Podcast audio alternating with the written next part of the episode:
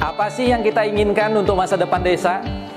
Warga desa yang sehat, pendidikan yang berkualitas, pendapatan yang meningkat dan merata, lingkungan desa yang tetap lestari, desa aman, nyaman, dan damai berkeadilan.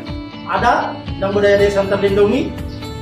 Semua itu adalah cita-cita kita bersama melalui SDGs Desa. Melangkah maju, mewujudkan cita-cita bersama. Desa-desa di Indonesia telah menapaki kemajuan. Butuh kebayaan yang tetap terjaga. Fasilitas di desa semakin baik, pendidikan dasar mencukupi. Akan tetap kita tidak boleh lengah. Sebab masih banyak tantangan yang menghadapi. Pengangguran pemuda desa Pengangguran harus pemuda diatasi. desa harus diatasi. Penurunan kemiskinan desa, Penurunan kemiskinan harus desa harus cepat lagi. Kebakaran hutan harus Kebakaran hutan harus dihentikan. Kekerasan terhadap perempuan Kekerasan harus terhadap dihilangkan. perempuan harus dihilangkan. Pekerjaan-pekerjaan yang belum usai ini. Kini harus kita tuntaskan. Jadi, mari berdiri, Mari berdiri. Mari berdiri, Mari berdiri sebaris, berjajar bergandengan tangan, Melukis kuntul baris. mewujudkan cita-cita kita bersama. dan pastikan Tidak ada satupun warga desa yang tertinggal di belakang. Mari membangun Indonesia dimulai dari desa.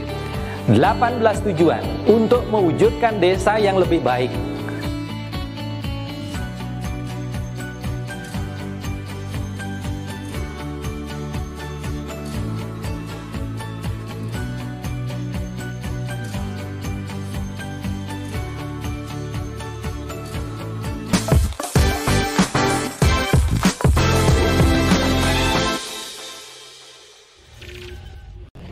Mari berdiri sebaris, selebis kontrol baris, jangan ada yang tertinggal. Salam SDGs Desa, salam bahagia kerabat desa Indonesia. Pagi ini kita ingin berbincang tentang bagaimana desa peduli lingkungan laut yang kemudian uh, ketika itu dilakukan maka ada manfaat-manfaat yang lain dari sisi ekonomi, dari sisi-sisi yang lain sudah pasti sudah bergabung bersama kita Mas Madong karena ini apa desa contoh yang kita undang di sini uh, adalah penggiat dari uh, Pulau Bali. Selamat pagi Mas Madong. Selamat pagi, Assalamualaikum warahmatullahi wabarakatuh. Salam bahagia kerabat desa Indonesia, salam SDG Desa. Terima kasih Mas Madong, selamat bergabung juga ini uh, Mas Arif, ada juga Mas Sugeng, Prof. Yoyon sudah bergabung. Ada, ada Bu Yayat, ada Bu uh, Agnes yang uh, juga bergabung. Sudah bergabung juga ini beli Komang dari Yayasan Karang.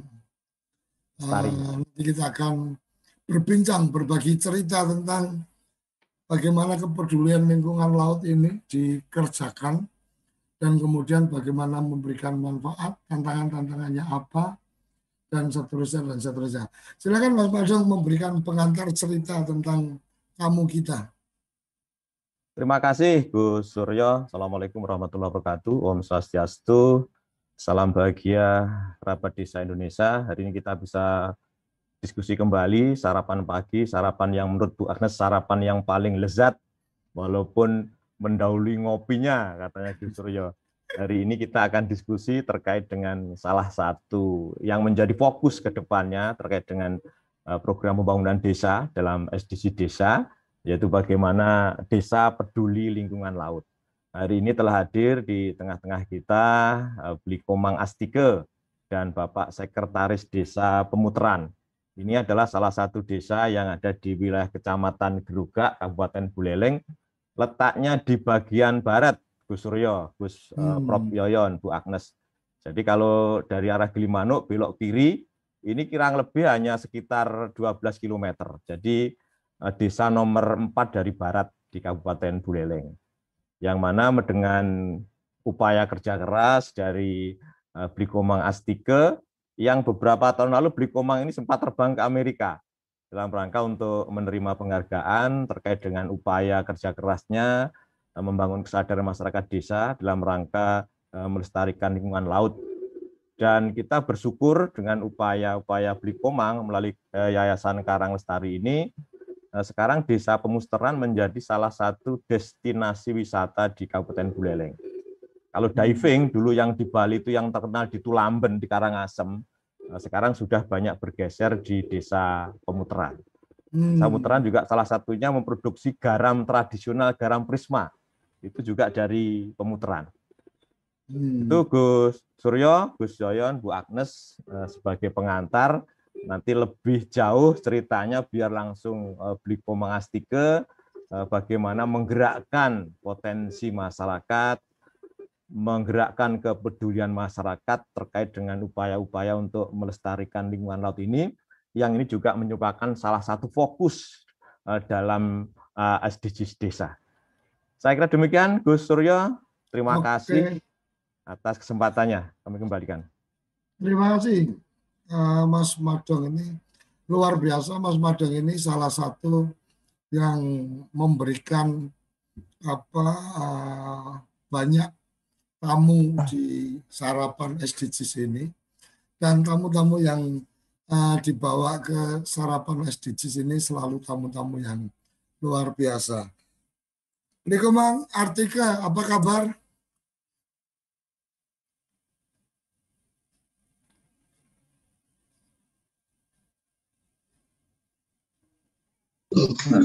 Ya. Selamat pagi. pagi. Dengan uh, kami di Desa Pemutaran dengan kabar baik, sehat selalu. Alhamdulillah. Alhamdulillah. Boleh, ber, boleh berbagi cerita nih, uh, Blikomang ini sudah hadir juga uh, Prof Yayon dan Bapak uh, Bu Dian dari ITS.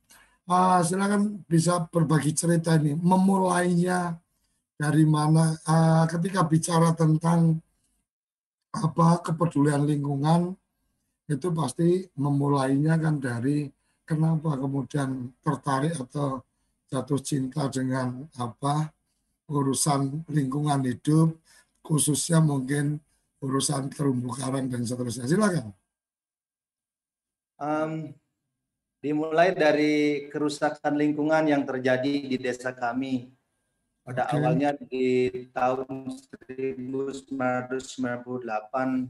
karena desa kami adalah desa yang termiskin uh, di Bali. Jadi hmm. keterpurukan desa kami tersebut bisa memacu untuk ke depan untuk membangun uh, terutama dari lingkungan kami.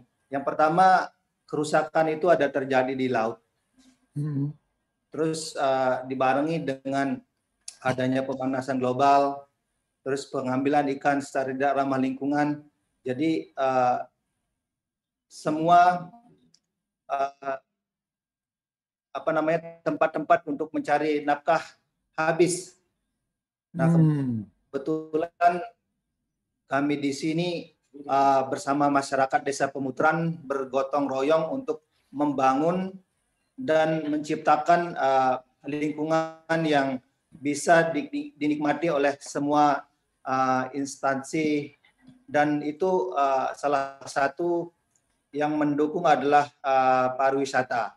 Hmm. Jadi uh, pada tahun 2000 kami melakukan restorasi terumbu karang uh, dengan menggunakan sistem Bayrok. Jadi uh, kita menggunakan listrik bertegangan rendah hmm. yang diinstal ke dalam dasar laut. Hmm. Dari uh, listrik yang bertegangan rendah tersebut bisa membuat apa namanya uh, sat kapur yang ada di air laut itu mengendap di struktur besi yang kita buat. Dan kita menyelamatkan uh, bibit-bibit uh, terumbu karang yang rusak oleh uh, para nelayan karena dulunya para nelayan tidak tahu berapa pentingnya terumbu karang cuman bisa mengambil uh, hasil yang dia dapatkan. Tapi hmm. uh, dengan adanya restorasi terumbu karang ini kita memberikan uh, edukasi dari semua uh, lini, ya, terutama hmm. dari generasi muda, para para nelayan, terus juga uh, kita juga mengajak para pengusaha yang ada di desa pemutaran dan peran penting juga adalah pemerintah ikut serta Hmm. di dalamnya. Nah, uh, sembari berjalannya waktu, uh, karena terumbu karang yang kita buat di desa pemutaran itu berkembang dengan bagus dan uh, itu menunjang uh, faktor pariwisata. Karena Hmm. pariwisata tidak ada uh, keindahan laut itu akan mubazir. Karena Bali pulaunya sangat kecil dan uh, objeknya juga sangat sedikit. Nah, maka dari itu kita di sini uh, memulainya dari laut dulu, Hmm. yaitu memberikan pemahaman kepada masyarakat, terus um, membangun apa yang kita uh, uh, cita-citakan dan kita harus menjaganya. Hmm. Karena di Desa Pemutaran adalah salah satu desa yang uh, ikut serta menjaga lautnya dengan sistem pengaman laut yang kita namakan pecalang segara. Oh, Pecalang itu biasanya di Bali Ada- kita ada ada pecalang untuk laut gitu ya. desa. Ya, nah uh, dengan dengan uh, kerjasamanya desa adat dan desa dinas, jadi kita bangkitkan pecalang itu menjadi dua uh, uh, multifungsinya, ya- yaitu Hmm. satu di upacara desa dan kedua juga menjaga uh, laut yang kita lakukan uh, restorasi di terumbu karang. Begitu, Pak. Ah, Beli, aku pengen tahu tentang yang tadi disampaikan tentang teknologi apa listrik tegangan rendah untuk apa menarik kapur dan seterusnya. Ah, itu ah, teknologi yang memang sudah ada yang kemudian diaplikasikan atau itu temuan dari ah, Beli Komang sendiri? Nah, eh, teknologi tersebut sebenarnya itu teknologi teknologi dari Jerman, Pak ya. Mm-mm. Eh, karena pada tahun 2000 itu ada eh, conference mengenai pemanasan global di Nusa Dua. Oke. Jadi eh, kebetulan eh, pioner kami yaitu almarhum Bapak Agung Prana karena beliau sebagai eh, ketua Gawastri Bali pada waktu itu eh, beliau bertemu dengan eh, kedua eh, ahli ini. Yang pertama eh, ahlinya bernama Profesor Walt Herbert. Beliau adalah eh, marine arsitektur yang membangun bangunan di bawah laut supaya tidak ada benda-benda yang korosi, yaitu dia menggunakan listrik dan diketahui oleh eh, Dr. Tom Guru, dia adalah ahli biologi dari Amerika, mengetahui bahwa hasil dari eh, akresi mineral ini itu eh, sama dengan eh, bibit karang, sama dengan hasil dari eh, karang. Jadi Hmm. dia mengkombinasikan eh, teknologi ini eh, dengan menanam karang di di eh, benda di struktur yang dia bangun di dasar laut tersebut ternyata eh, terumbu karang itu tumbuh bisa lebih cepat dan lebih sehat daripada karang alami. Maka dari Hmm. itu disebutlah eh, produk apa namanya eh, metode ini Hmm. adalah biorock. Bio adalah hidup, rock adalah menghidupkan eh, batu karang alami dengan menggunakan listrik yang bertegangan rendah. Jadi pertumbuhan karang tersebut yang kita bangun di sini eh, bisa tumbuh eh, dua kali lebih cepat sampai delapan kali daripada Hmm. karang alami. Jadi eh, taman yang kita bangun di Desa Pemutaran ini eh, sudah eh, mencapai sekitar 130 struktur di bawah laut. Jadi listrik yang kita gunakan itu uh, ada listrik yang dari uh, darat yang menggunakan PLN dari Mhm. AC ke DC, terus Mhm. kita uh, di convert menggunakan power supply, jadi Mhm. arusnya rendah. Dan yang kedua ada listrik yang kita gunakan menggunakan solar panel. Nah cita-cita kami untuk ke depannya, ya cita-cita kami untuk solar itu dipasang di apa maksudnya dipasang di darat kemudian kabelnya masuk atau kemudian solar panel itu ada di apa laut di apung gitu.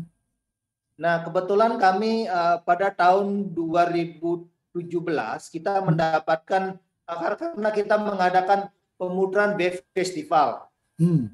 Kita uh, dapat lirikan dari um, uh, Menteri Kelautan pusat uh, kita mendapatkan uh, ponton multipurpose.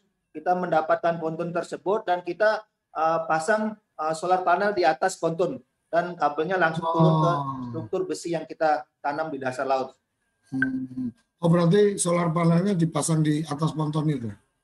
Iya benar Bapak. Oke, luar biasa. Kemudian uh, ini ini menarik menurut saya ketika kemudian ada teknologi yang diterapkan uh, untuk kemudian menghidupkan kembali terumbu karang bahkan tadi disampaikan bisa 2 sampai 8 kali lebih cepat apa untuk pertumbuhannya. Pertanyaannya uh, aplikasi teknologi ini itu sudah dilakukan di mana saja. Artinya uh, artinya secara apakah ini menduplikasi uh, aplikasi yang dilakukan di negara lain atau kemudian dari cerita tadi kan lebih pada ada pertemuan dengan apa salah seorang profesor dan seterusnya kemudian itu jadi ide untuk me, apa, memperbaiki terumbu karang dilakukan di apa di desa pemutaran ini atau kemudian itu sebenarnya juga sudah diaplikasikan teknologi ini di tempat lain. Nah, kebetulan kami uh, di Indonesia kita hmm. mengadop mengadopsinya pertama kali ya. Oh. Ada di desa pemutaran. Ya, mengadopsinya pertama kali di, di desa pemutaran. Terus untuk sekarang ini kita sudah uh, dapat menginstalasi sekitar uh, 13 tempat di seluruh Indonesia.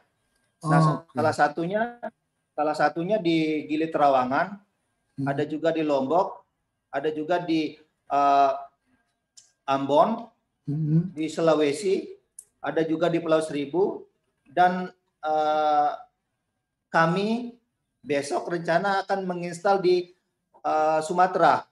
Hmm. Ini Sumatera. Uh, ini menarik. Uh, yang berikutnya mungkin yang ingin saya tanyakan, apakah kegiatan-kegiatan ini ketika kemudian melakukan apa instalasi atau men, apa membantu di daerah-daerah lain dalam konteks melakukan pekerjaan-pekerjaan itu apakah eh, menggunakan institusi yayasan Karang Lestari atau kemudian ada sinergi atau kolaborasi dengan uh, desa. Nah, kebetulan kami di sini di Indonesia hmm. kita berkolaborasi dengan uh, Biorok Indonesia. Oke. Okay. Jadi jadi untuk di desa Pemutaran kami bisa menangani uh, pelestariannya hanya uh, di Yayasan Karang Lestari. Oh. Dan untuk di daerah-daerah lain uh, kita bekerja sama dengan uh, Biorok Indonesia. Artinya teman-teman dari Karang Lestari ini kemudian menjadi uh, tenaga ahlinya atau menjadi pelaksananya ya. uh, dengan kerjasama dengan apa Biorok Indonesia. Benar sekali. Oh. Karena uh, di awalnya kita melakukan workshop pada hmm. tahun 2001 kita bekerja sama dengan uh, institusi yang ada di Indonesia. Salah satunya adalah uh, Universitas Bogor yang uh, pada waktu itu uh, keikutsertaannya adalah itu IPB atau IPB, IPB. Oke, IPB. Salah satunya adalah uh, Begin Suban hmm. dan ahli uh, biologinya. Terus uh, sebentar lagi Bapak Hawis Madupa. Terus ada Rama. Dia juga akan uh, dia ikut bergabung dalam uh, PT Biorok Indonesia. Oke. Okay. Ah, beli bang mungkin sebelum ke apa ke teman yang lain yang dari apa pemutaran tadi uh, Pak Sekdes ya. Ah, mungkin kita pengen tahu juga nih umpama uh, di desa saya ada potensi untuk kemudian apa uh, kelautan, kemudian terumbu karangnya sudah rusak dan seterusnya, kemudian pengen untuk apa berkolaborasi, bisa diberikan gambaran uh, bisnis modelnya atau alur prosesnya seperti apa. Artinya uh, uh, mungkin yang jelas komunikasi jelas, kemudian apakah ada budget khusus yang harus disiapkan ketika luasannya seperti apa dan seterusnya silakan Ya, yang pertama uh, ada pengenalan tentang lokasi yang pingin untuk direhabilitasi. Terus okay. uh, uh, untuk hanya itu fungsinya untuk apa? Apakah untuk bisnis ataukah untuk uh, perbaikan lingkungan untuk masyarakat? Oh. Jadi uh, itu udah ada dua dua dua aspek akan uh, rule jalannya. Terus uh, nanti bisa bersurat ke Biorok Indonesia. Hmm. Ada linknya juga di di website. Nanti uh, masuk ke sana. Uh, step yang pertama kita akan melakukan survei awal. Apakah desa tersebut uh, bisa diakses ya terutama listriknya. Terus uh, alamnya bagaimana? Gelombangnya besar atau arusnya kencang? Uh, terus kedalamannya berapa meter? Nanti kita akan ada survei dan ada juga survei sosialnya. Karena kita tidak mau membangun biorock terus akan ditinggalkan di beberapa tahun kemudian. Hmm. Karena uh, biorock ini perlu uh, perawatan yang khusus. Beda dengan uh, metode-metode pemulihan pemulihan uh, terumbu karang yang lain. Karena kita hmm. memakai, ya. memakai listrik dan juga uh, ada predator-predator karang yang uh, sering sekali memakan terumbu karang yang kita tanam. Hmm. Ya, salah satunya adalah uh, akan taster ataupun mahkota berduri, ada juga dupela, siput laut, dan juga uh, ada kerusakan lingkungannya itu salah satunya adalah pemanasan global. Hmm. Jadi uh, listrik yang kita uh, berikan kepada terumbu karang itu supaya tetap konstan. Hmm. Oke, luar biasa. Ini bisa menjadi inspirasi ke kerabat desa yang punya lingkungan laut. Ketika terumbu karang rusak, pasti secara potensi ikan pasti akan berkurang. Ketika terumbu karangnya bagus dan memang apa uh, lautnya mendukung, maka itu bisa menjadi potensi untuk wisata. Kira-kira seperti itu ya, Belia? Ya, ya salah satunya kan kita membangun uh, lingkungan itu supaya baik dulu. Dengan okay. adanya terumbu karang, terus ikan-ikan akan datang, ikan-ikan hmm. kecil. Hmm, ya. Ikan ikan kecil udah banyak, jadi itu akan memancing ikan-ikan besar juga. Salah hmm. satunya terumbu karang juga itu bisa menghasilkan oksigen lebih uh, besar daripada uh, tumbuh-tumbuhan yang ada di darat. Dan hmm. juga fungsinya dari terumbu karang itu bisa sebagai uh, abas, abrasi kontrolnya. Hmm. Terus kalau itu sudah indah, kalau pariwisata bisa masuk, itu akan memberikan impact yang sangat besar kepada masyarakat sekitarnya. Karena nah, salah satunya menjadi, contoh adalah menjadi penting yang apa urusan observasi sosial itu ya karena jangan sampai ya, ketika kemudian sudah di apa sudah dibikin bagus tapi perilaku sosial masyarakatnya tidak mendukung ya pasti akhirnya apa sayang juga sudah diperbaiki rusak lagi. Ya, makanya eh, yang penting, yang paling penting adalah uh, masyarakatnya juga di, di, dibina. Oke. Okay. Sebelum kita oh, boleh, boleh disampaikan uh, alamat websitenya, beli? Uh, ada dua di website kami, mm -hmm. uh, www.biorokbaliwebs.com. Biorok Bali webs.com. Oh, web.com. Ya. Oke. Okay. Kemudian yang satunya? Ada, uh, uh, www.biorokindonesia.com. biorokindonesia.com.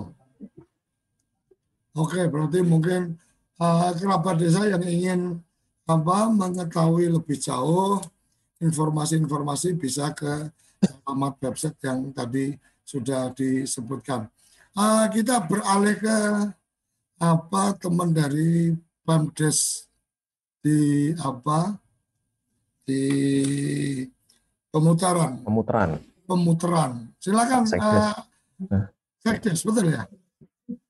Ada yang ingin ditambahkan? Iya, Pak Sekdes. Pak Sekdes ini sesama Sekdes ini masukkan dari Banyumas. Silakan.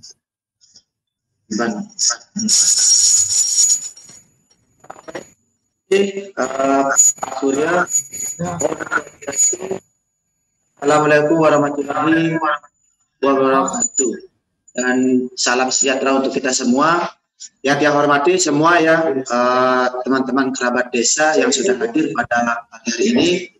Uh, perkenalkan nama saya adalah Igede Suartike selaku Sekretaris Desa Pemutra. Uh, pada kesempatan yang baik ini kami ada sedikit yang ingin disampaikan. Uh, tadinya rekan kami selaku ketua uh, Yayasan Karang Lestari yang sangat peduli dengan lingkungan uh, laut di Desa Pemutaran, yaitu Bapak Omang Astike sudah panjang lebar menyampaikan tentang bagaimana cara pembuatan dan pemeliharaan uh, biorok di Desa Pemutaran itu sudah disampaikan sejelas-jelasnya oleh Pak Omang Astike dan rekan-rekan uh, kerabat desa yang ingin uh, mengetahui lebih dalam bisa dicek di web yang sudah disampaikan oleh Pak Komang Astika.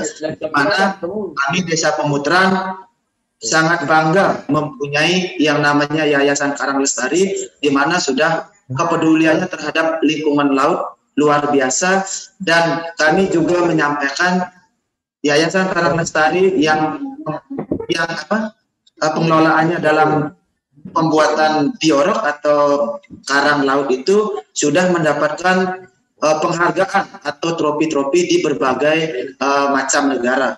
Uh, piagam itu atau penghargaan itu tidak hanya kita dapatkan hanya di tingkat nasional, tapi sudah di kancah internasional Pak Surya ya. Biar kita uh, sekedar diketahui bahwa Yayasan Karang Lestari yang bergerak di bidang uh, ramah lingkungan, pengelolaan lingkungan yang rusak menjadi bagus, di mana salah satunya kita adalah pembuatan Biorok uh, Karang Laut itu sudah mendapatkan banyak penghargaan di kancah internasional dan di nasional juga. Dan itu pun data-datanya kami langsung uh, simpan di hotel uh, Taman Sari karena pemilik hotel Taman Sari yaitu merupakan uh, beliau yang merancang semua ini menjadi uh, laut desa pemutaran uh, seperti yang sekarang ini. Baik Pak Suryo, hanya itu yang yang bisa sampaikan menambahkan apa yang disampaikan oleh Pak Komang Astika selaku Ketua Yayasan Karang Lestari dan akhir kata uh, tiang akhiri dengan para mesanti Om Santi Santi Santi Om Wassalamualaikum warahmatullahi wabarakatuh. Terima kasih. Jangan jangan wassalam dulu, masih ada yang perlu diobrolin. Ini oh, kalau untuk, untuk yayasan sendiri posisinya seperti apa? Karena kalau yang saya lihat kan Yayasan Karang Lestari dari desa, apa Desa Pamutran. Ini yayasan yayasan ini didirikan oleh berbeda ya. Apa teman-teman apa yang peduli terhadap terumbu karang ini uh, hubungannya dengan desa seperti apa nih Mas? Yayasan ini uh, baik Pak Surya uh, yang jelas Yayasan Karang Lestari ini didirikan oleh almarhum Bapak uh, I Gusti Agung Prana, pemilik Taman Sari dan Villa Amerta. Itu yang mendirikan. Di bawah uh, naungan desa dinas dan desa adat. Karena di Bali kita mengenal yaitu namanya desa adat dan desa dinas. Nah, kerja, ya kerjasama kami dengan uh, Yayasan Karang Lestari dengan desa adat, desa dinas itu uh, sangat bagus Pak Surya, di mana setelah didirikannya Yayasan Karang Lestari ini karena uh, yayasan ini berkecimpung di uh, apa peduli tentang uh, lingkungan laut, jadi kami dari pihak uh, desa dinas apa mendukung program ini dan uh, membentuk yang namanya pecalang segara atau pecalang laut. Di mana pecalang segara dan pecalang laut ini adalah merupakan uh, pembentukan dari desa dinas dan desa adat untuk menjaga uh, laut desa pemutaran. Itu. Artinya apa yang disampaikan tadi oleh Pak Komang uh, Astike di mana yayasan ini membuat biorok itu diawasi oleh pecalang segara atau pecalang laut desa pemutaran untuk uh, keamanannya. Artinya tidak ada lagi masyarakat kami di Desa Pemutaran pada saat pembuatan biorok ini tidak ada lagi uh, pencarian ikan melalui portas atau melalui bom itu sudah sudah kita buatkan uh, aturan di desa dinas dan dibuatkan uh, praram di desa adat untuk uh, melindungi zona-zona yang sudah dibuatkan karang uh, apa karang lestarinya atau bioroknya Pak Surya. Terima kasih. Oke, oke luar biasa. Jadi yang saya tangkap adalah dengan adanya yayasan ini maka kemudian kolaborasi antara apa desa adat dan desa Dina. apa uh, dinas itu kemudian menjadi lebih bagus dalam satu konteks untuk menja apa uh, melakukan perbaikan di lingkungan laut. Kira-kira gitu ya Pak Sekdes ya? Ya, ya, pas itu Pak Surya. Oke, Mas Madong perlu apa?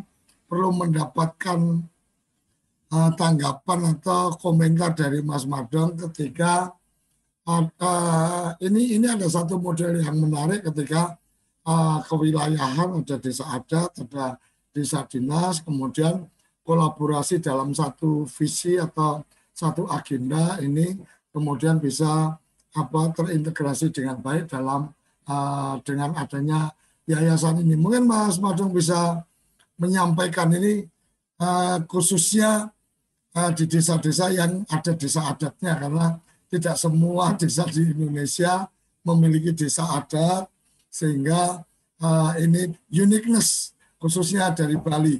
Silakan Mas Madong.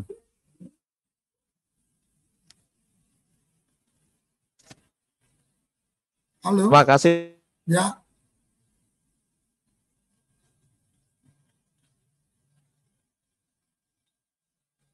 Halo. Terima kasih, Gus. Halo, ya. Ya, Kita gimana? di ya, terima kasih Gus Suryo ini agak trouble mendung. Eh, memang seperti itu yang disampaikan oleh eh, Bli Komang dan Pak Sekdes tadi bahwa memang di Bali ada dua sisi terkait dengan desa. Satu desa dinas, desa pemerintahan, kemudian yang kedua eh, desa adat. Ini adalah bagian dari warisan leluhur nenek moyang yang hidup dan berkembang dalam eh, kehidupan masyarakat di Bali. Nah, kemudian eh, konteks pelaksanaan dalam pembangunan pemberdayaan masyarakat desa, dua sisi ini selalu bersama-sama. Eh, Contoh eh, terkait dengan lingkungan, ini juga salah satunya adalah wujud dari implementasi satu filsafat di Bali, Gus Suryo, yang kita kenal dengan filsafat Trihita Karana. Jadi bagaimana menjaga hubungan baik manusia dengan Tuhan, manusia dengan manusia, dan yang kita kerjakan hari ini adalah eh, bagaimana kewajiban menjaga hubungan baik manusia dengan lingkungan. Ini kalau di Bali harus diperhatikan sekali. Dan salah satunya apa yang disampaikan tadi oleh Bli Komang dan Pak Sekdes itu betul. Eh, Dalam konteks pelaksanaannya, sinergitas bersama-sama dalam satu wilayah desa, ada desa dinas, desa adat, bersama-sama. Nah kemudian eh, dalam konteks menjaga lestarian lingkungan tadi, mungkin yang lebih stresinya melalui kegiatan-kegiatan di adat. Karena masyarakat Bali akan sangat tunduk, sangat patuh dengan adat utamanya seperti itu. Satu dibentuk tadi yang namanya eh, pecalang laut. Memang di Bali spesifik pengaturan terkait dengan desa ini, Gus Suryo. Jadi yang salah satunya akan menjadi sebuah kekuatan, menjadi potensi eh, ketika menggerakkan eh, swadaya partisipasi dan gotong royong masyarakat. Ini bukti dampak yang tadi disampaikan oleh Komang di Desa Pemutaran sangat nyata. Hari ini pergeseran wisatawan di Bali, di Singaraja khususnya di Buleleng itu tidak di lobinya lagi, tapi sudah bergeser di eh, Pemutaran. Nanti kita kalau ada waktu eh, sama-sama Gus kita lihat di bioroknya eh, Bli Komang. Saya kira demikian Gus Suryo. Terima Oke. kasih. Oke, luar biasa. Kita akan juga mendengar uh, pandangan atau pendapat dari teman-teman kampus ini, dari ITS sudah bergabung ini Mbak Dian untuk bisa memberikan apa komentar atas apa yang apa yang tadi sudah disampaikan tentang biorok tentang bagaimana masyarakat ikut menjaga kemudian potensi-potensi ikan apa menjadi berkembang potensi wisata jadi berkembang dan seterusnya dan seterusnya. Tapi setelah yang satu ini jangan ke mana-mana tetap di sarapan SDGs desa. Kamu tinggal di pulau terpencil, pegunungan pinggiran kota, atau daerah di Indonesia yang tidak terjangkau jaringan fiber, ADSL, dan juga 3G. Internetan dengan cepat pasti cuma akan menjadi mimpi. Mau pakai tol langit, pakai desa wifi, kunjungi www.desawifi.id. Apa sih yang kita inginkan untuk masa depan desa? Warga desa yang sehat, pendidikan yang berkualitas, pendapatan yang meningkat dan merata, lingkungan desa yang tetap lestari, desa aman, nyaman, dan damai berkeadilan. Ada dan budaya desa terlindungi. Semua itu adalah cita-cita kita bersama melalui SDGs desa. Satu, desa tanpa kemiskinan. Dua, desa tanpa kelaparan. Tiga, desa sehat sejahtera. Empat, pendidikan desa berkualitas. Lima, keterlibatan perempuan desa. Desa layak air bersih dan sanitasi. Tujuh, desa berenergi bersih dan terbarukan. Delapan, pertumbuhan ekonomi desa merata. Sembilan, infrastruktur dan inovasi desa sesuai kebutuhan. Sepuluh, desa tanpa kesenjangan. Sebelas, kawasan permukiman desa aman dan nyaman. Dua belas, konsumsi dan produksi desa sadar lingkungan. 13. Desa tanggap perubahan iklim. 14. Desa peduli lingkungan laut. 15. Desa peduli lingkungan darat. 16. Desa damai berkeadilan. 17. Kemitraan untuk membangun desa. 18. Kelembagaan desa dinamis dan budaya desa adaptif.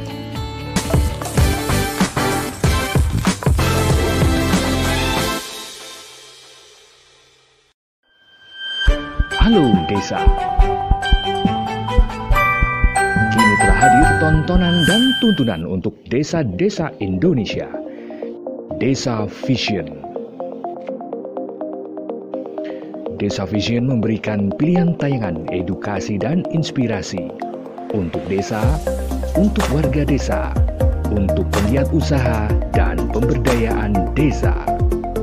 Desa Vision dikembangkan oleh TV Desa yang telah mendedikasikan diri mengembangkan program siaran desa dan perdesaan sejak tahun 2014. Dengan Desa Vision, kerabat desa dapat menyaksikan tayangan pilihan tanpa bayar iuran bulanan selamanya.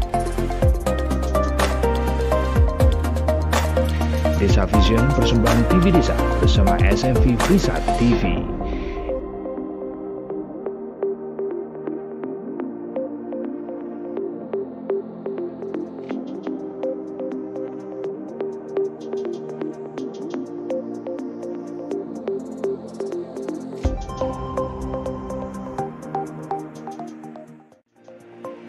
Info lengkap kunjungi desavision.id. Kembali ke sarapan SDGs, kita ingin mendengarkan komentar dari akademisi yang apa banyak memperhat apa memfokus tentang apa uh, kelautan. Uh, Bu Dian Saptarini, Ye, Pak Suryo. kita apa dengar juga dari Bu Agnes. Uh, Bu Dian, dari apa yang tadi disampaikan, apa yang bisa dipetik atau apa yang bisa kemudian di bisa di apa uh, ambil pelajaran kita hari ini. Ye. Ye, selamat pagi Pak Suryo, selamat pagi Ibu dan Bapak. Apa yang dikerjakan oleh teman-teman di pemutaran ini sebenarnya sangat-sangat menarik. Uh, mungkin di sini saya ini ya Pak, sering dolan gitu. Jadi hmm. termasuk dolan ke pemutaran. Hmm. Sehingga uh, melihat juga apa yang sudah dikerjakan teman-teman di sana. Poin uh, utamanya adalah bahwa keselarasan manusia dengan alam itu memang di banyak tempat kita banyak sekali mendapatkan kemanfaatan dari lingkungan itu tetapi terkadang kita lupa bahwa eh, kemanfaatan itu tidak hanya untuk kita saja dan kemanfaatan itu tidak bersifat selamanya bila kita tidak melakukan keselarasan dengan alam itu yang dimaksud dengan selaras ini adalah kalau kita mengambil jangan lupa menanam. Gitu. Nah, apa yang dikerjakan oleh teman-teman di pemutaran di sini adalah bagaimana mereka menyeimbangkan antara untuk mengambil manfaat dan tetapi juga memberikan sesuatu kepada alam. Sesuatu tidak harus sifatnya adalah uh, yang berlebih, misalnya harus dijaga sepenuhnya, tetapi bagaimana kemudian mereka menjaga sehingga kemanfaatan ini bisa diambil, tetapi kelestarian alam itu tetap ada. Gitu.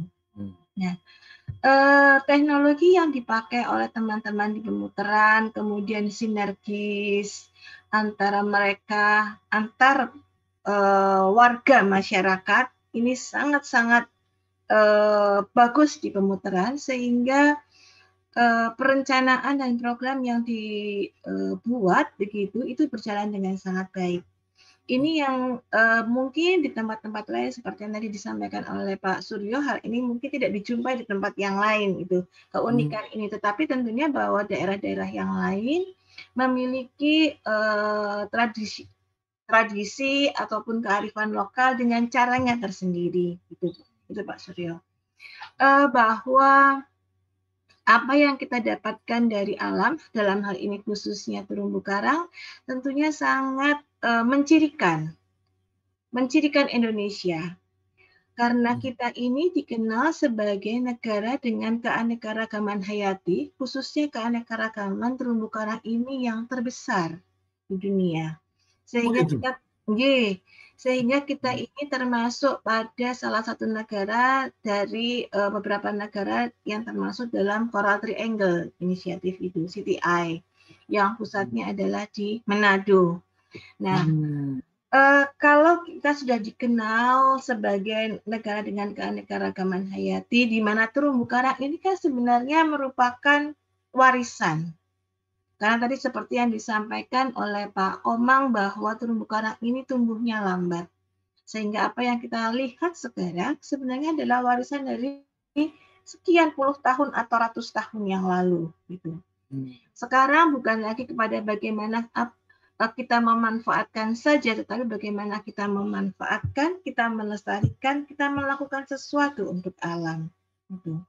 Kalau kita mendapatkan manfaat dari alam, jangan lupa bahwa kita harus melakukan penyelarasan, melakukan keseimbangan dengan cara menjaga alam itu. Apa yang bisa kita lakukan? Hmm. Kita lakukan sekarang seperti yang teman-teman lakukan di pemutaran dengan biorok barangkali bisa diadap oleh teman-teman di tempat yang lain. Tidak harus ya, uh, tadi yang menarik buat saya adalah yeah.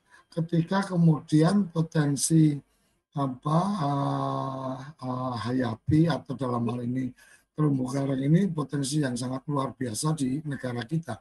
Kemudian ada juga tadi Ibu menyampaikan tentang uh, apa yang terjadi di apa uh, pemutaran ini uh, tentang bagaimana sinergi masyarakat, bagaimana kemudian apa uh, kerjasama uh, masyarakatnya untuk sama-sama melakukan sesuatu untuk agenda ini itu mungkin tidak apa tidak ditemukan di tempat lain. Artinya sepertinya ini tantangan terbesarnya dalam konteks bagaimana memberikan penyadaran bagaimana mendorong untuk ada kolaborasi masyarakat dan apa para praktisi-praktisi yang peduli lingkungan atau bagaimana ini? Iya, betul Bapak.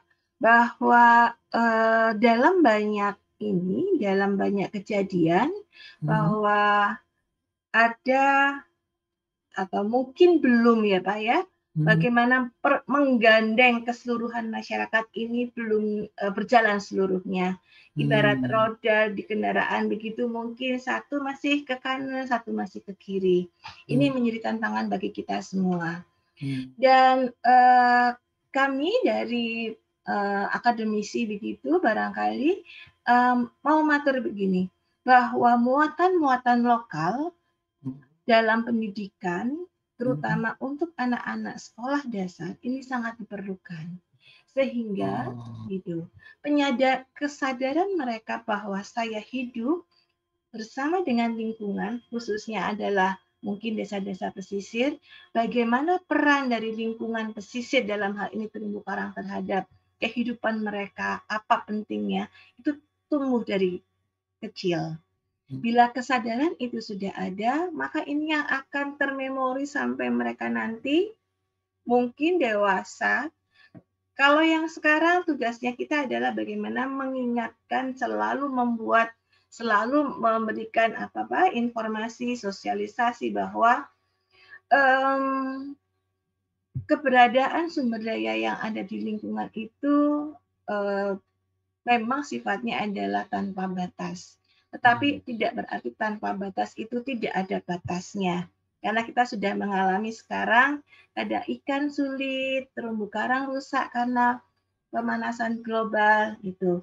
Sehingga tadi selain yang seperti dilakukan oleh teman-teman di pemutaran, kita sangat perlu membuka wawasan, kemudian memberikan gambaran kepada anak-anak uh, kita, pemuda-pemuda kita, sehingga secara berjenjang, ini secara keseluruhan, kita memiliki visi dan misi yang sama terhadap lingkungan. Oke, jadi memberikan edukasi sejak dini Oke. tentang sadar lingkungan, memahami apa lingkungan dan seterusnya itu menjadi penting ya. Oke, Bapak.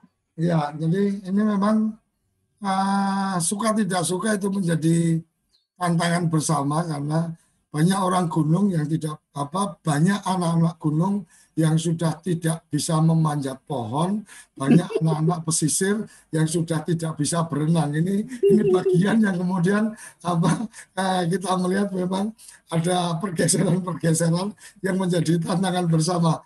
Bu Agnes eh, bisa memberikan tambahan? Iya Pak, terima kasih. Menarik sekali ini saya kok nggak diajak ya sama Budian ya. Pemutaran dari festival sangat bagus. Jalan-jalan ke lautnya nih Bu Agnes apa uh, belum diajar sama Budian. Silakan. Jadi nunggu diajak Pak Suryo. Jadi saya lihat ini belum ya. diajak Budian, diajak Gus Ipan dulu. Ini ada Pak Siap, siap, Prof. Pak Yayan, Prof Yayan. Silakan Agnes.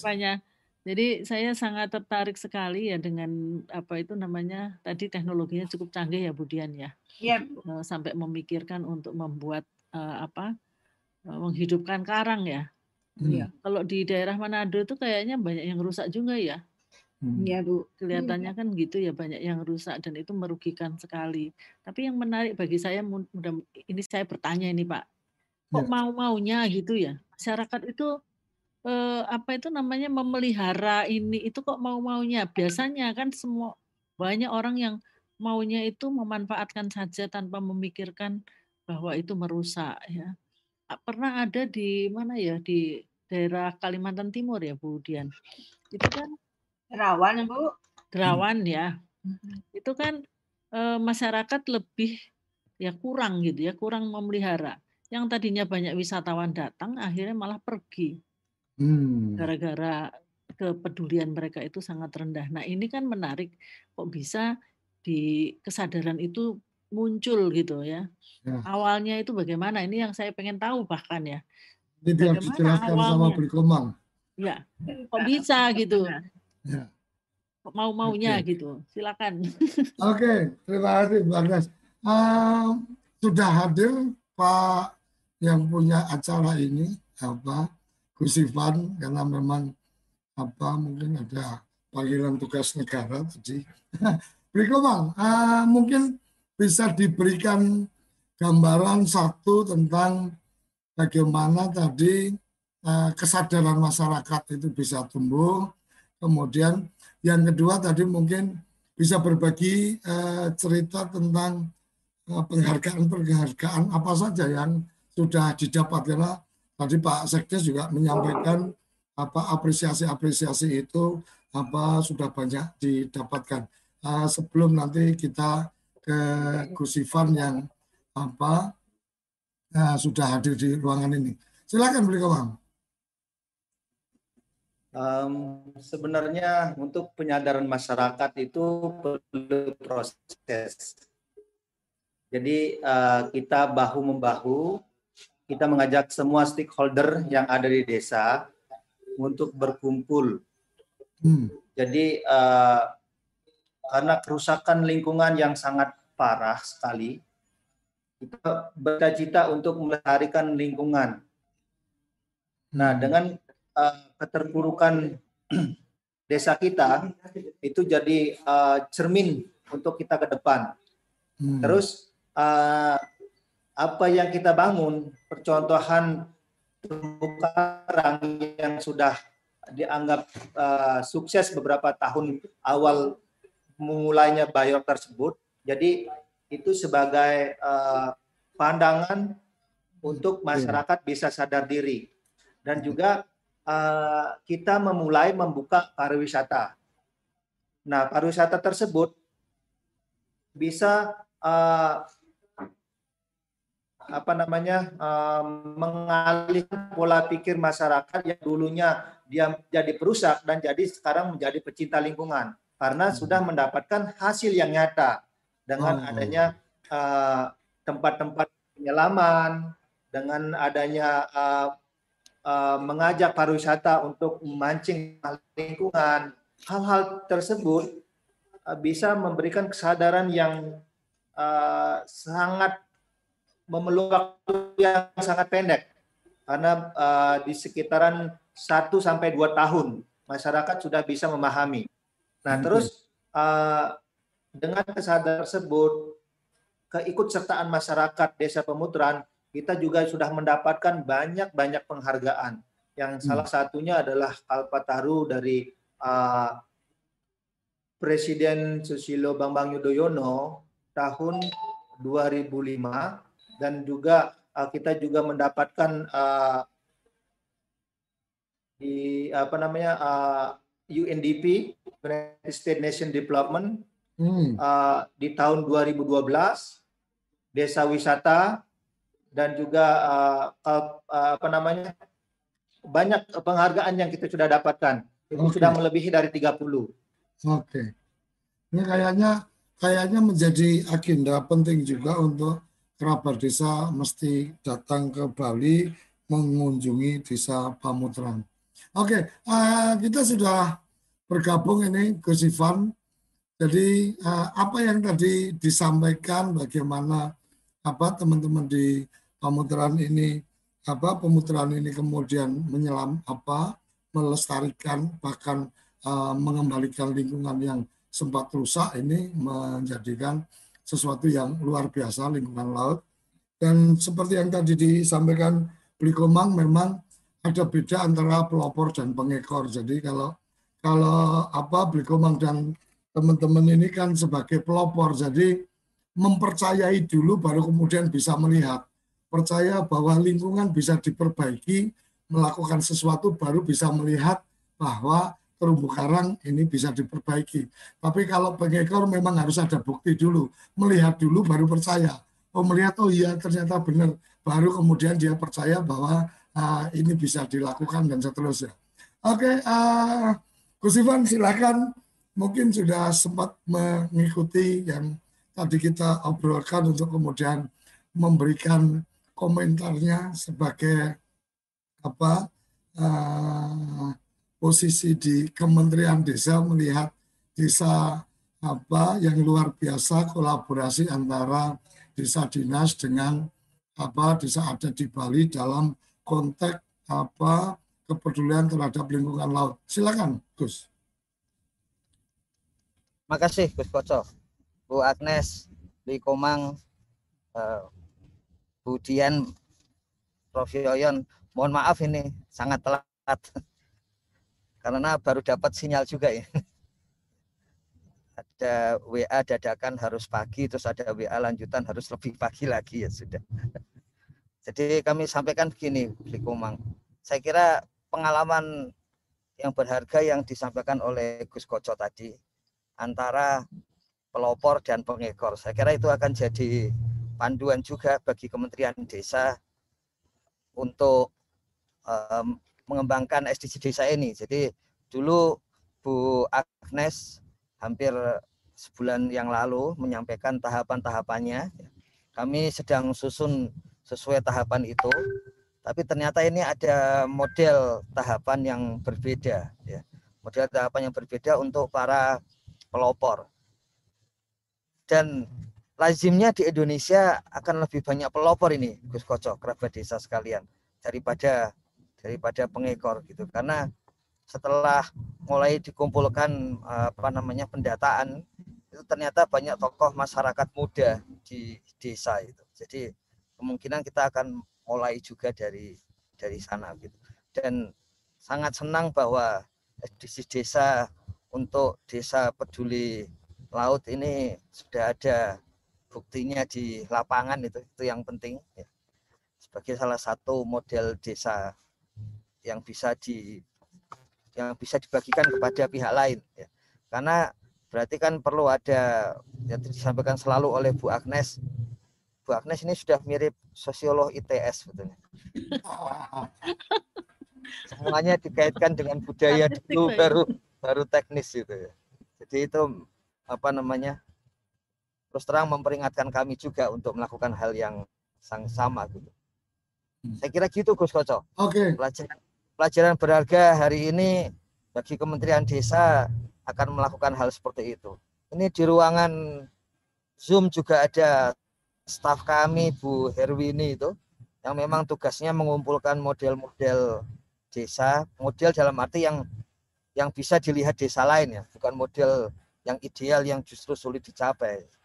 Yang dan ini juga memberikan kita itu Gus Koco Ya. Kalau mulai sekarang, karena waktunya butuh panjang gitu. Sudah tahu panjang nggak dimulai-mulai ya nanti nggak dapat. Ya sampai-sampai. Oke, oke luar biasa. Uh, tanpa terasa ini sudah hampir di penghujung uh, closing Prof Yayan dari apa yang tadi sudah disampaikan teman-teman dari apa uh, pemutaran teman-teman dari apa ITS tadi juga sudah memberikan apa beberapa catatan dan seterusnya. Prof Yayan monggo apa tausiah ya, closing. Assalamualaikum warahmatullahi wabarakatuh. Selamat pagi Bapak dan Ibu. Saya nambah dua tiga lah nambah tiga. Satu Gusipan, sesama alumni IPB jangan saling mendahului lah. Ya. Siap Gus. Siap Gus Prof. Bu Agnes itu uh, statistik handal dari IPB itu ya setingkat dengan uh, Andi Hakim Nasution itu Bu, Bu Agnes itu. Ya, ya. Yang kedua saya ingin menambah begini, uh, ternyata di kita itu ada satu lagi jenis Pak Koco. Ya. Yang satu namanya perusak, yang satu namanya pelestari. Hmm. Tadi yang kemudian kata itu. Nah, yang uh, banyak itu saya saya berpendapat yang merusak itu yang lebih banyak daripada yang melestarikan. Gitu. Hmm bahasa lainnya yang mengeksploitasi alam tadi itu. Ya, saya salut dengan teman-teman di pemutaran tadi itu ya sadar bahwa masalah lingkungan itu akibatnya luas sekali gitu loh. Nah, proses uh, yang mereka lakukan itu kalau saya membaca uh, textbook ya Pak Ipan juga hafal itu yang memang yang paling penting menurut Paulo Freire itu menyadarkan dulu sadar akan masalah kita ini uh, tidak sadar akan masalah yang kita hadapi sehingga kemudian um, lebih mengekor, lebih mengikuti dan sebagainya dan sebagainya. Ya, termasuk mohon maaf ya di dunia lain di dunia perguruan tinggi begitu uh, satu kata disrupsi uh, memviral gitu, wah semua bicara disrupsi. Begitu revolusi industri 4 uh, merebak, semua bicara tentang itu. Begitu society 5 uh, meledak, ya ikut-ikutan ke situ Begitu pemeringkatan ikut-ikutan pemerintah. Pertanyaan jangan-jangan bangsa kita itu lebih lebih sebagai mengekor daripada sebagai jangan-jangan begitu. Saya soal edukasi saya setuju dengan Budian dengan Bapak sekalian pentingnya edukasi itu ya. Dan sekarang soal edukasi ini kita masuk babak baru. Ya. Saya sedang menulis buku judulnya begini mendidik anak negeri dengan miras. Dengan miras. Iya dengan miras itu. Jadi miras itu, apa mirasnya? Nah itu miras. legal legalisasi miras itu kan bagus sekali itu. Ya. Oke oke oke. Masa depan bangsa yang sangat luar biasa. Masa Oleh depan bangsa yang lebih baik menjadi produsen untuk merusak negara nah, lain. dalam, dalam, dalam hidup kita itu kan uh, ada uh, dunia, ada akhirat, ada baik, ada buruk, ya. Ada laki-laki, ada perempuan, ya, ada siang, ada malam. Itu kan pilihan-pilihannya begitu. Nah, tinggal kemudian kita ini punya karakter yang mana, karakter yang baik atau karakter yang buruk. Kemudian tadi mengatakan, yuk kita membuat karakter itu yang baik, edukasi, melestarikan, ya. dan kita hmm Eh, dalam kesempatan pagi ini kan selalu dari episode pertama itu kan kita supaya eh, apa yang kita lakukan itu yang baik-baik gitu loh, bukan yang oke. Okay. Ya, dan Bu Sipan so, tadi jalannya panjang tapi kalau tidak dimulai-mulai kapan mau sampainya kan gitu. Nah, sekarang kita memulai dan mudah-mudahan ya eh, tambah tambah maju gitu loh. Dan seperti Bu Agnes kita minggu hari-hari yang lalu gosip gosipan ya Oh, desa-desa yang tadi disebut model dalam petik tanda tanda petik bisa diikuti oleh desa-desa yang lain, yuk kita tulis bersama-sama. Oh, desa ini ya. di bagusnya, desa ini di sini bagusnya. Jadi ada ada library, directory dari contoh-contoh ya, sukses ya. Ya, ternyata kalau cuma di, di digital itu kadang-kadang kan orang tidak juga menelusuri secara secara bagus. Kalau ada tulisan-tulisan dalam bentuk buku sangat bagus sekali. Oke. Okay mohon diusulkan ke Gus Menteri ya Gus Ipan ada buku yang keenam ya ya desa hmm. sejahtera ya, yang ya. tadi contoh, contohnya itu sudah di, di, di, di, diceritakan oleh kita dalam uh, setiap episode pagi itu sangat bagus sekali gitu. dan okay. dengan dan terakhir ini yang uh, apa namanya yang biota laut itu saya kira tadi Budian betul itu sangat penting dan sangat strategis sekali gitu. Hmm. Ya, sayangnya Bu Susi dia diganti ya dan gantinya itu saya kira saya tidak usah komentar lah. Oh. Oke Prof, terima kasih luar biasa tanpa terasa kita sudah di apa penghujung acara sarapan SDGs desa selalu ingin menyampaikan menu-menu baru, menu-menu yang luar biasa, nikmat untuk kemudian uh, kita bisa jadikan inspirasi kerabat desa bisa menjadikan inspirasi. Oh, di desa di sana bisa melakukan ini. Kemudian ketika di desa kita karena tantangannya mungkin hampir sama, maka kemudian uh, bisa menjadi model, bisa menjadi tempat belajar dan seterusnya.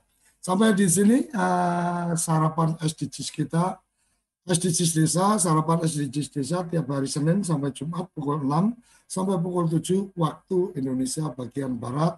Jangan ke mana-mana di pagi hari supaya mendapatkan apa uh, suplen nutrisi gizi uh, tentang bagaimana berdesa, bagaimana membangun desa, bagaimana memuliakan desa-desa di Indonesia. Terima kasih kepada uh, penon, apa, pengikut setia kita di channel YouTube ada uh, Mbak Parti Genilangit, ada uh, Mas Iwan, ada uh, Mas Yono, ada Mbak Iti dan yang lain.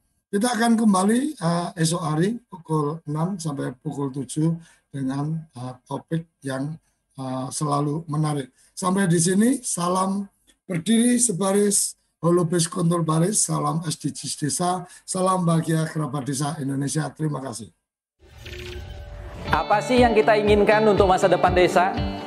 Warga desa yang sehat, pendidikan yang berkualitas, pendapatan yang meningkat dan merata, lingkungan desa yang tetap lestari, desa aman, nyaman, dan damai berkeadilan. Ada dan budaya desa terlindungi. Semua itu adalah cita-cita kita bersama melalui SDGs Desa. Melangkah maju, mewujudkan cita-cita bersama. Desa-desa di Indonesia telah menapaki kemajuan butuh kebayaan yang tetap terjaga. Fasilitas di desa semakin baik, pendidikan dasar mencukupi. Kita tidak boleh lengah. Sebab masih banyak tantangan yang menghadapi. Pengangguran pemuda desa Pengangguran harus pemuda diatasi. desa harus diatasi. Penurunan kemiskinan desa, Penurunan kemiskinan harus desa harus lebih cepat lagi. Kebakaran hutan harus kebakaran hutan harus dihentikan. Kekerasan terhadap perempuan Kekerasan harus terhadap dihilangkan. Perempuan harus dihilangkan. Pekerjaan-pekerjaan yang belum usai ini. Ini harus kita tuntaskan. Jadi, mari berdiri. Mari berdiri. Mari berdiri. Mari berdiri sebaris. Berjajar bergandengan tangan Holobis Kuntul Baris mewujudkan cita-cita kita bersama. Dan pastikan tidak ada satupun warga desa yang tertinggal di belakang. Mari membangun Indonesia dimulai dari desa. 18 tujuan untuk mewujudkan desa yang lebih baik